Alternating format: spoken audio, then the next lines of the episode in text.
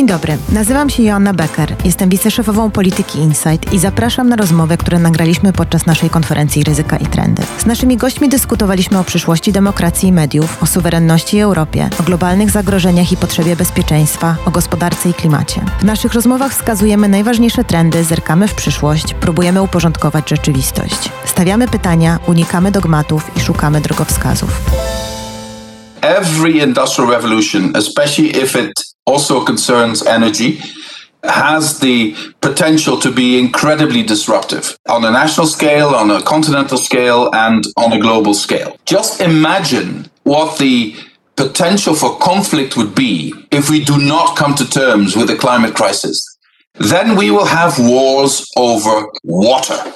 That is my prediction if we don't change our policies. There is a growing commitment also on the political side to say this is now the time to join forces and put a very strong, ambitious recovery package together, the Green Deal. So 550 million euros specifically devoted to accelerate that energy transition. I think this is a fantastic stimulus package for the recovery, for the European Union, but also to drive the necessary energy transition change forward and take a leadership position. Europa coraz szybciej odchodzi od paliw kopalnych. Energia z wiatru i słońca jest coraz tańsza, a społeczna świadomość skutków zmian klimatu coraz większa. Wiceprzewodniczący Komisji Europejskiej Franz Timmermans mówi m.in. o energetycznym ubóstwie i geopolitycznych konsekwencjach dekarbonizacji. A dr Karsten Wildberger, członek zarządu E.ON SE, zastanawia się nad przyszłością tradycyjnych i potężnych koncernów energetycznych. Rozmowy prowadzą Robert Tomaszewski, szef PI Energy i Dominik Brodacki, analityk do spraw energetycznych. My name is Robert Tomaszewski. I'm senior analyst uh, at Polityka Insight, and here is Dominik Brodacki, my colleague. We both cover energy issues and climate policy in Poland and in European Union in Polityka Insight. And the first question to you, I would like to ask you about your attitude to what is going to happen in 2021, because 2020 was extremely hard for our economy, for whole European Union, for all the member states, of course, because of the pandemic. But if we talk about climate policy, there are signs to be more optimistic about what is going to happen. We have USA, which is coming back to the Paris Climate Agreement. We have China, which is going to publish detailed plan how to achieve the climate neutrality in April. And we have, of course, European Union with very ambitious climate agenda. So my question to you is, is dawn of climate optimism breaking? And do you think that we will use this opportunity to slow down the pace of global warming globally? Well, I think in the first place, if you compare where we are now with a year ago, there's reason to be more optimistic. The European Union launched its Green Deal over a year ago, and then we were sort of alone. And many people were saying we're only eight or nine percent of emissions worldwide. There's no point if the rest doesn't do anything. And since then, you've seen China, Japan announcing climate neutrality 2050, South Korea, South Africa, and a host of countries moving in that direction. Of course, after the elections in the United States. You also have the Biden administration on board, even quite radically on board, I would say, with uh, really a change of course. And I believe that bodes well for the political side. But one has to also be realistic on the content side, on what's happening with our climate. We're still on a bad track. We still are not on the right track. So we get this opportunity because of the political constellation to try and get it right when the world meets in Glasgow in November this year to then set the course to climate neutrality. And we've done our homework. We will also decide on the climate law in spring, and then we will come with concrete proposals. And let's hope we can convince the rest of the world to go in the same direction. Then we can be optimistic. But what risk do you see in this process? Because everybody can agree to this that this climate race is accelerating. But what are the main obstacles that you can see in this coming year, in 2021, that we need to be aware of? Well, frankly, I think the main obstacle is political because most of business, uh, look at your own country, business in Poland has turned a corner. Business in Poland understands we need to go into this direction, but we need to organize this. This is a very, very complex transition and a complex transition that happens on a world scale. So we need to get organized to make it happen. And of course, there will be because every transition is painful and difficult. And sometimes the temptation is to just look at the mountain you need to climb and then to say, the mountain is too high, I'll avoid climbing it. But then we have to look at the cost of non transiting, and that cost is even much higher.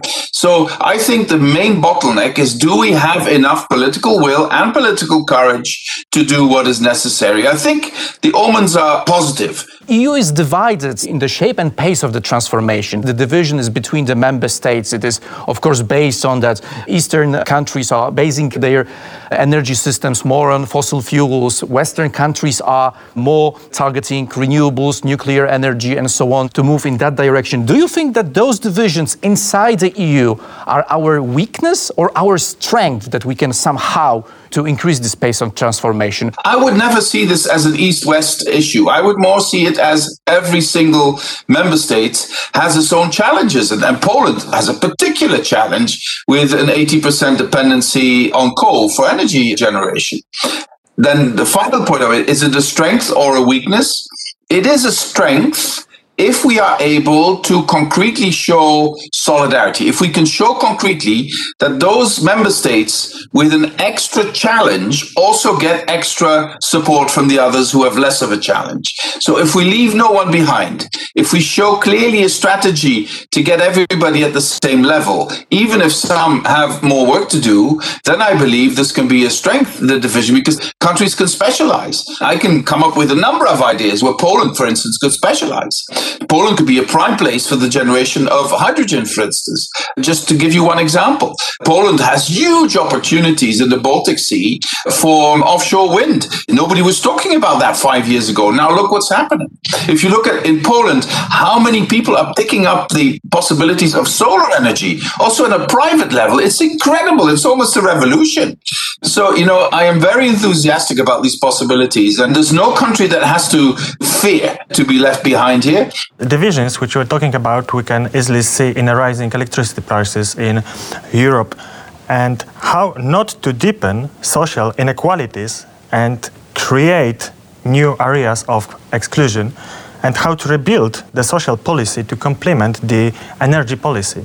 I think you raise a very, very important issue if this transformation leads to especially the people who are already in a weaker position getting even weaker and those people already in a good position getting even richer, then it will be socially so divisive that it will not happen. And everybody who's very enthusiastic about the transition should understand this.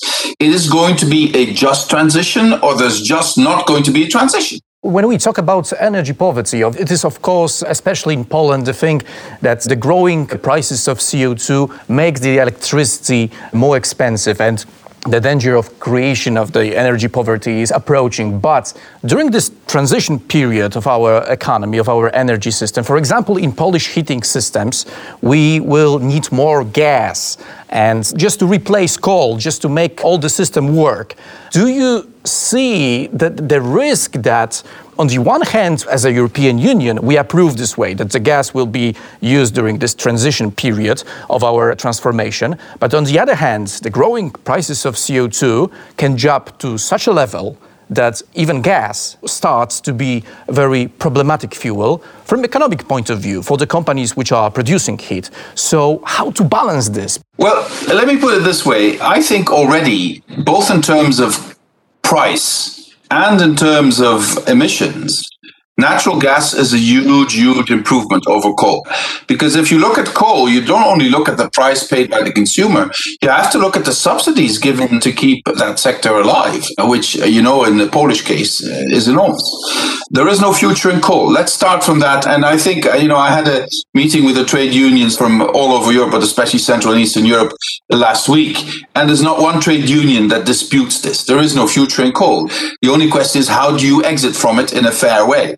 So natural gas will have to be a transition fuel. If you do the investments you need for that in power generation, in the infrastructure to get it to the households, if you do that in such a way that you pre-fit this infrastructure for post natural gas energy carriers, which can be decarbonated natural gas, but especially hydrogen or other such energy carriers, then it's a really good investment because then the investment is really very limited. And the results will be huge because then once you can use decarbonated or carbon free energy carriers, then of course the cost will go down tremendously. I have just last philosophical question to you, sir, and it is also, of course, about the energy transformation. What will be the geopolitical impact of transformation on us, on Europe, but also in the bigger scale on our neighbors? How it will transform it? Every industrial revolution, especially if it also concerns energy, has the potential to be incredibly disruptive on a national scale, on a continental scale, and on a global scale.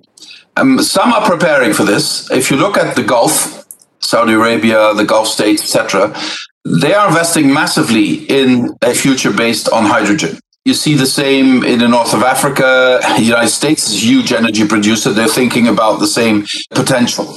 So some are really already preparing for this. Russia is only very, very carefully exploring this. And I think we should be thinking about that as Europeans.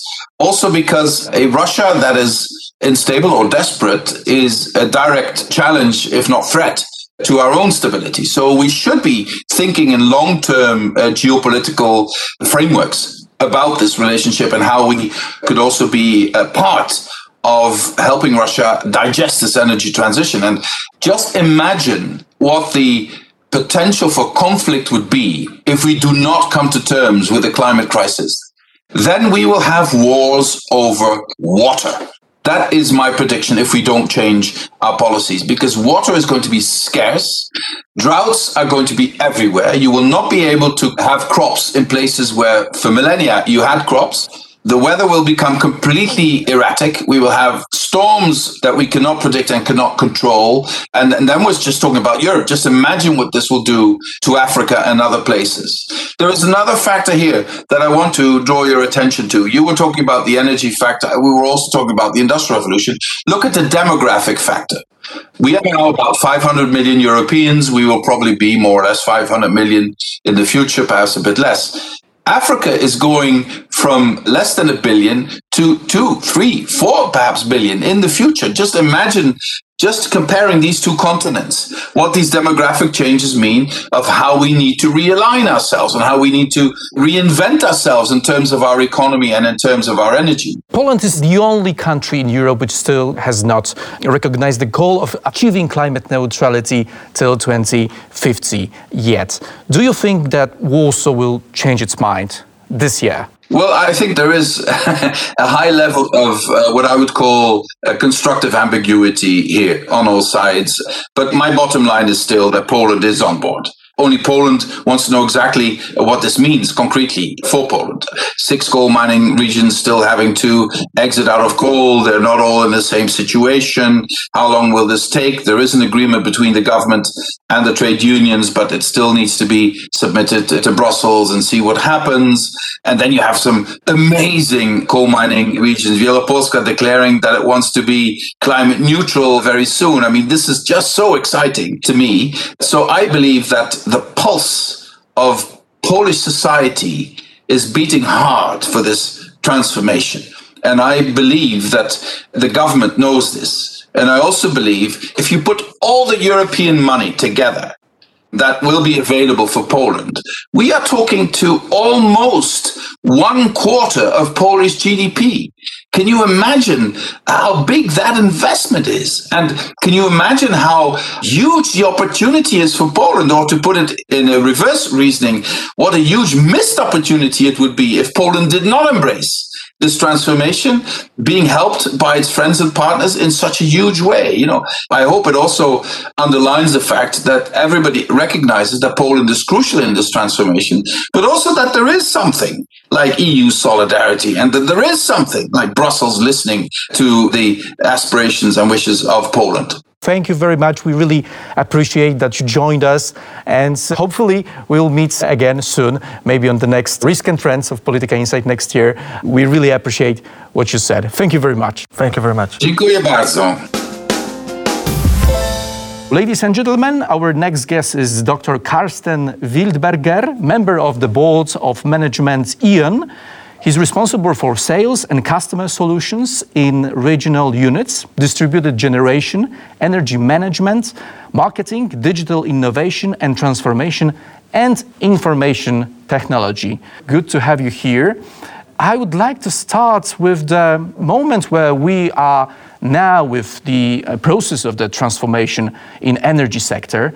This is a very challenging moment during stages of the pandemic, and I would like to ask you how recovering from the coronavirus pandemic will affect energy transformation in EU and the fight against the global warming. Are we in a moment that a little bit of optimism is something that we can have? What's your point of view where we are with this process? Good afternoon, and thank you very much for having me. Look, I'm much more optimistic about the chances and the opportunities for addressing climate change in the energy sector coming out of Corona.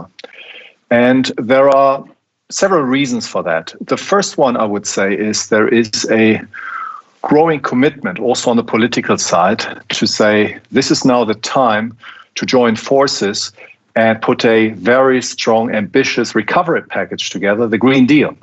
So 550 million euros specifically devoted to accelerate that energy transition. I think this is a fantastic stimulus package for the recovery, for the European Union, but also to drive the necessary energy transition change forward and take a leadership position.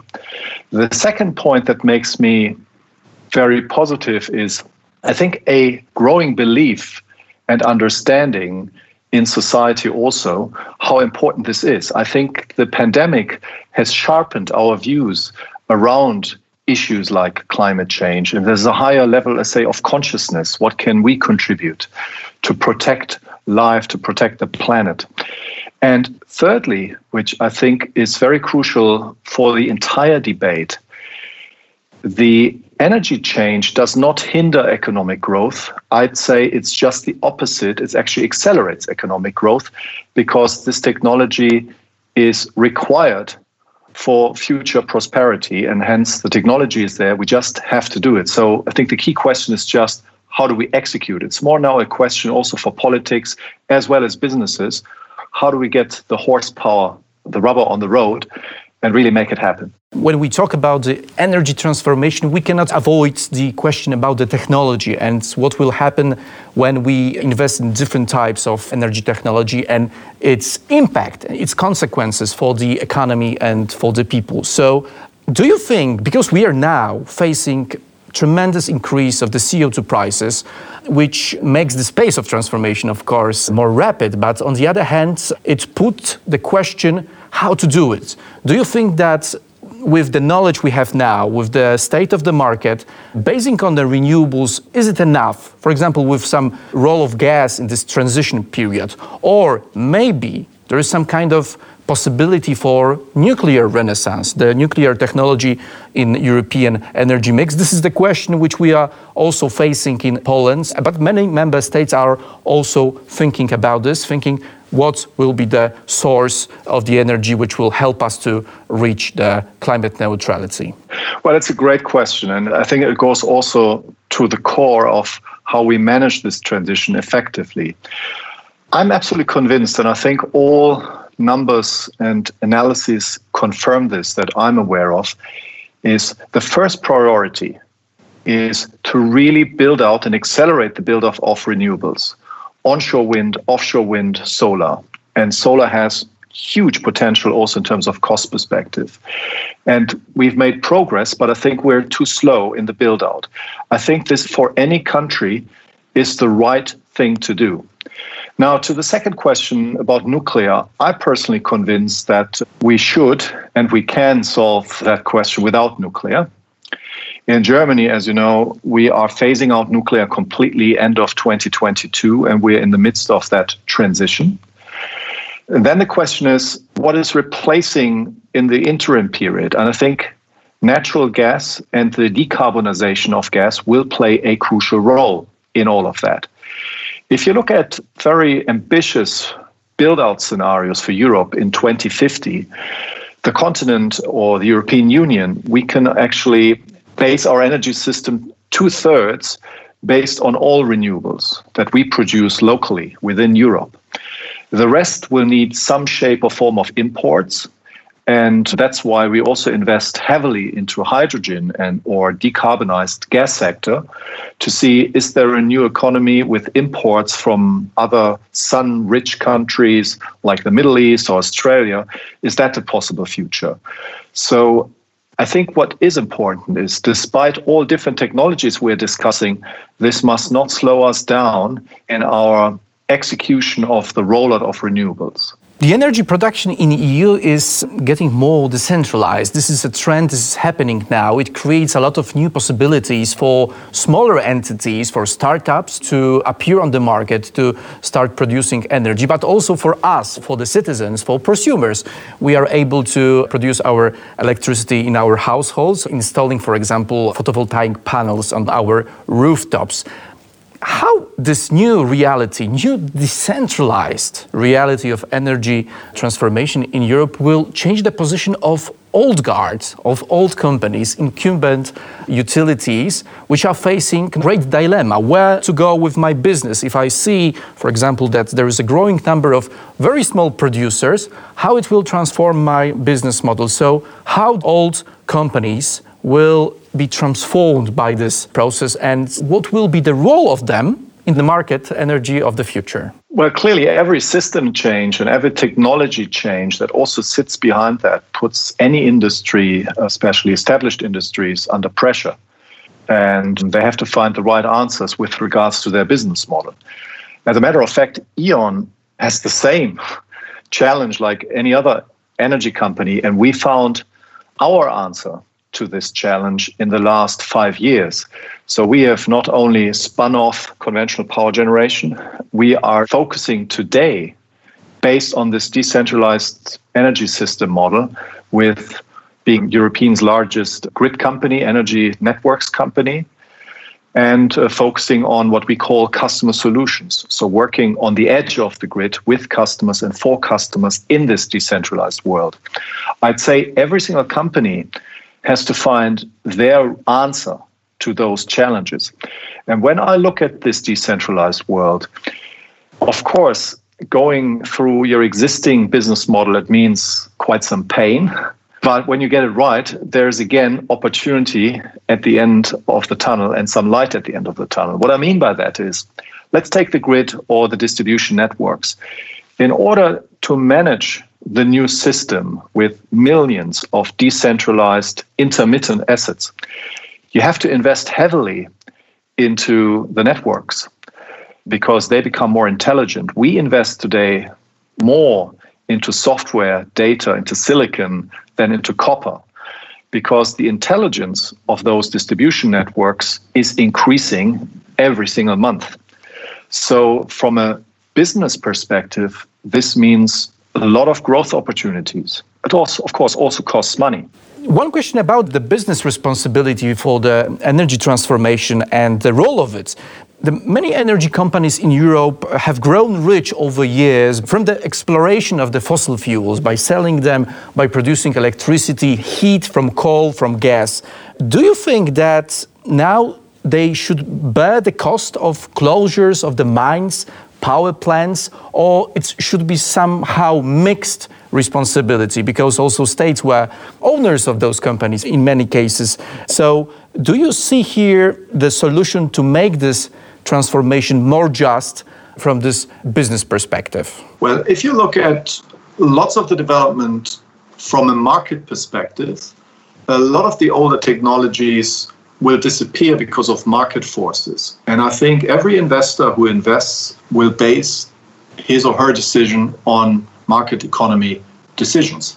So I think market forces can be a very good instrument to make this transition happen anyway. Now, the question comes to if you want to put a very hard stop in for, say, political, societal reasons. And I think then we have to be careful in the following sense because now something very big is at stake. And what is at stake is credibility, reliability, and trust.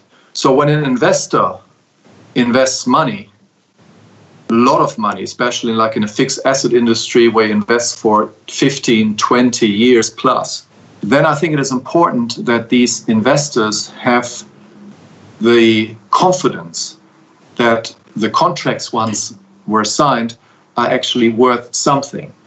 And I think if that transition or the investment doesn't work out for market reasons, that's a different story.